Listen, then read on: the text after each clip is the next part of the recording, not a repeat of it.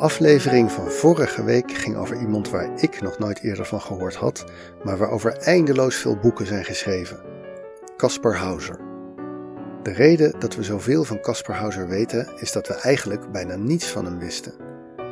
Vandaag het tegenovergestelde. Een wetenschapper die belangrijke ontdekkingen deed, erover presenteerde, publiceerde. Er zijn natuurkundige wetten naar hem genoemd. Hij was op bepaalde vlakken zijn tijd ver vooruit. Oh, en hij was geheel doof. En toch denk ik niet dat je hem kent. De informatie over deze man op Wikipedia is ook best sumier. Ik heb niet eerder voor nooit geweten zo ver de onderliggende literatuur in hoeven gaan om de details van een verhaal boven water te krijgen. De aflevering van vandaag gaat over de 17e eeuwse Franse natuurkundige Guillaume Amonton. Even voor we beginnen, een snelle quizvraag. Waar houdt het wetenschapsgebied van de tribologie zich mee bezig? Tribologie. De kleine Guillaume werd geboren in de zomer van 1663. Zijn vader was een advocaat uit een oude Normandische familie en zijn ouders waren al voor zijn geboorte naar Parijs verhuisd. Als hij op de middelbare school zit, wordt hij door een ziekte bijna helemaal doof. Dat blokkeert een carrière als jurist. Hij gaat niet meer naar school.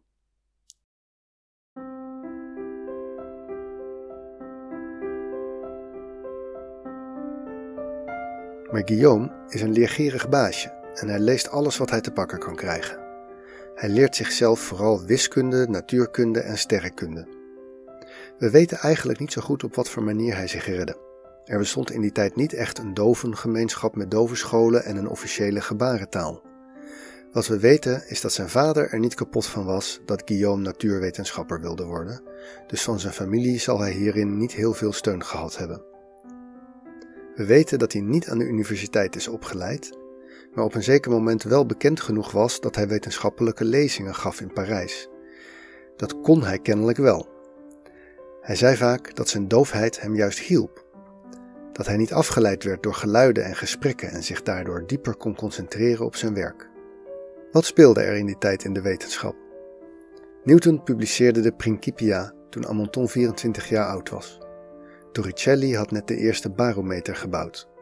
Huygens maakte het eerste slingeruurwerk, van Leeuwenhoek de eerste microscoop. Ook de spiegeltelescoop werd in die tijd uitgevonden. Guillaume bleek erg goed te zijn in het maken van meetinstrumenten. Hij bouwde barometers, thermometers en hygrometers die veel nauwkeuriger werkten dan tot dan toe. Hij was dus een uitblinker in een hot onderzoeksterrein in die tijd. Doordat hij van die goede thermometers en barometers tot zijn beschikking had, kwam hij eigenlijk vanzelf terecht op een terrein dat 150 jaar later thermodynamica gedoopt zou worden. Het viel hem op dat als je lucht verwarmt, dat het dan uitzet. En Guillaume was een handige knutselaar, dus hij probeerde daar meteen iets nuttigs mee te maken.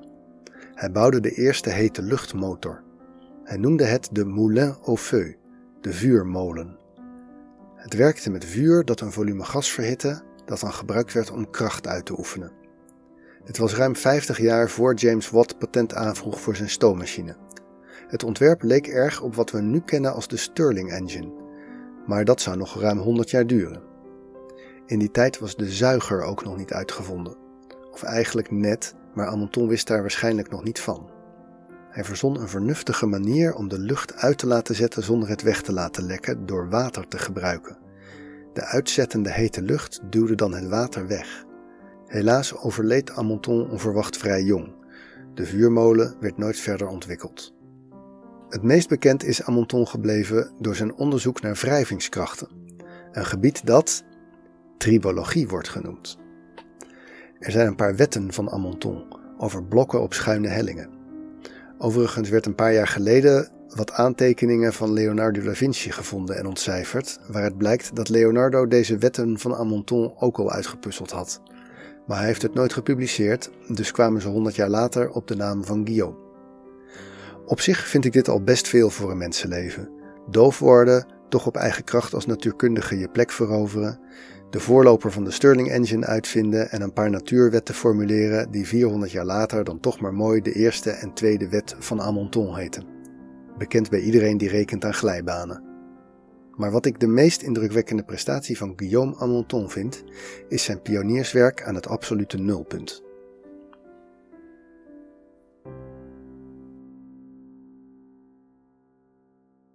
Meetinheden komen in soorten en maten. Sorry voor de slechte woordspeling. Even een beetje terminologie. Eigenschappen zijn niet altijd kwantitatief meetbaar. Bijvoorbeeld aan de schoonheid van een gedicht of de vriendelijkheid van een buurman proberen we niet eens een getal te hangen. Andere eigenschappen zijn wel kwantitatief, bijvoorbeeld de lengte van een wandeling of de maximumsnelheid van een auto. Zo'n eigenschap heeft altijd een dimensie, bijvoorbeeld lengte of snelheid, een waarde, bijvoorbeeld 3 of 270, en een meeteenheid, bijvoorbeeld kilometer of kilometer per uur. Over meeteenheden en het decimale stelsel hebben we het hier al eens eerder gehad, maar daar gaat het nu even niet om. Het gaat me om de dimensies.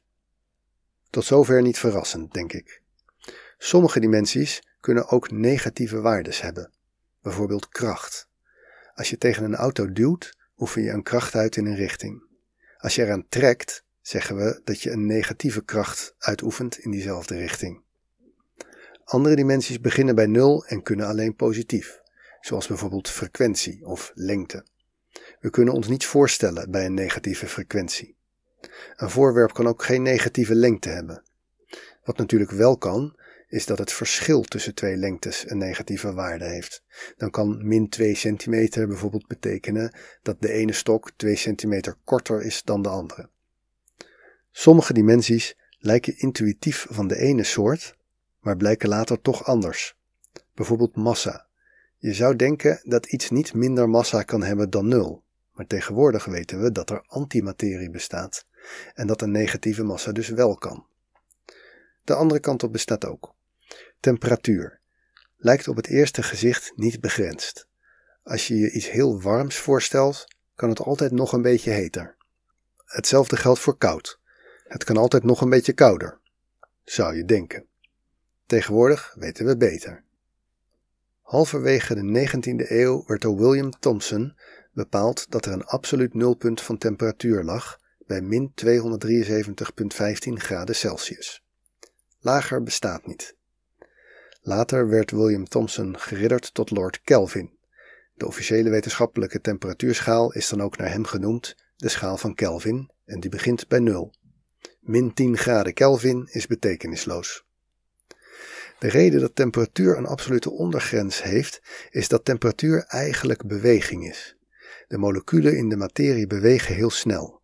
In een gas schieten ze alle kanten op door de ruimte, in een stukje vaste stof trillen ze vooral heel hard op hun plek heen en weer.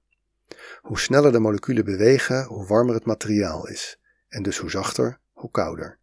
En als de moleculen helemaal stilstaan, is het 0 graden Kelvin. Langzamer bewegen kan niet, dus kouder kan ook niet.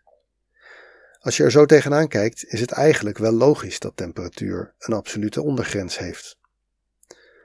Op zich was dat inzicht ook niet nieuw. Toen Thomson het nulpunt bepaalde, was het idee van een absoluut nulpunt van temperatuur al best oud. In 1665, dus bijna 200 jaar eerder, werd voor het eerst geopperd dat er misschien wel een ondergrens aan temperatuur zou kunnen zitten. Dat was door Robert Boyle. Zo'n 35 jaar daarna werd voor het eerst door iemand geprobeerd om te bepalen of er inderdaad een ondergrens was, en zo ja, echt uit te rekenen waar die ondergrens dan wel lag. Die persoon was Guillaume Amonton. Amonton was dus een handige instrumentmaker. Zijn thermometer werkte met kwik in een dunne U-vormige buis.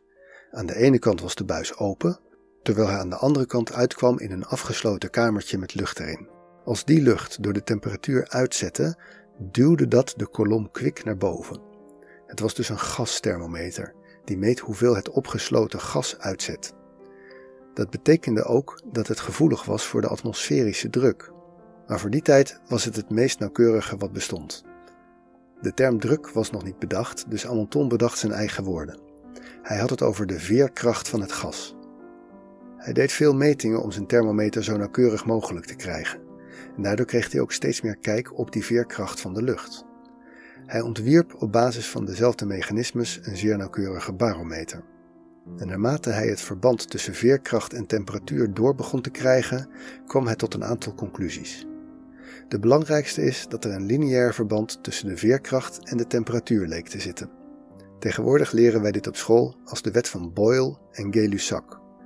Boyle had 30 jaar voor Amonton beschreven hoe gassen zich gedragen bij gelijkblijvende temperatuur. Gay-Lussac voegde daar 100 jaar na Amonton aan toe hoe de temperatuur daar precies verband mee hield. Maar eigenlijk had Guillaume Amonton dit al vrij compleet uitgepuzzeld. Sommigen vinden dan ook dat het eigenlijk de gaswet van Amonton zou moeten heten. Hoe dan ook, toen Amonton dit verband op papier had staan, volgde eruit dat de veerkracht van een gas op een bepaald punt uit zou komen bij nul. Minder veerkracht dan nul, daar konden ze zich niets bij voorstellen. Dus was er kennelijk een absoluut nulpunt van temperatuur. Vervolgens plotte hij al zijn metingen op een eigen schaal, die begon bij nul. Er bestonden nog geen standaard temperatuurschalen. Celsius en Fahrenheit moesten hun schalen nog maken. Dus stelde Amonton maar gewoon in duimen. Het aantal duimen dat de kwikkolom door de warme lucht werd opgetild. Hij mat dat water bevriest bij 51,5 duim, terwijl het kookte bij 73 duimen.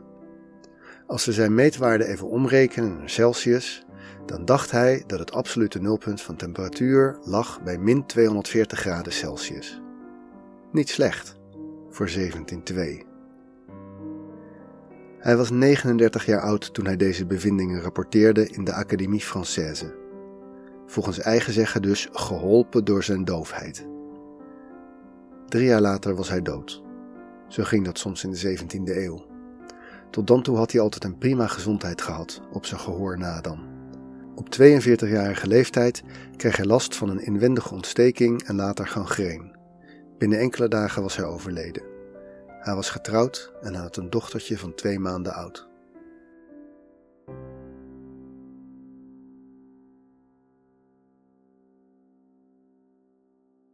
Dit was een aflevering van Nooit Geweten.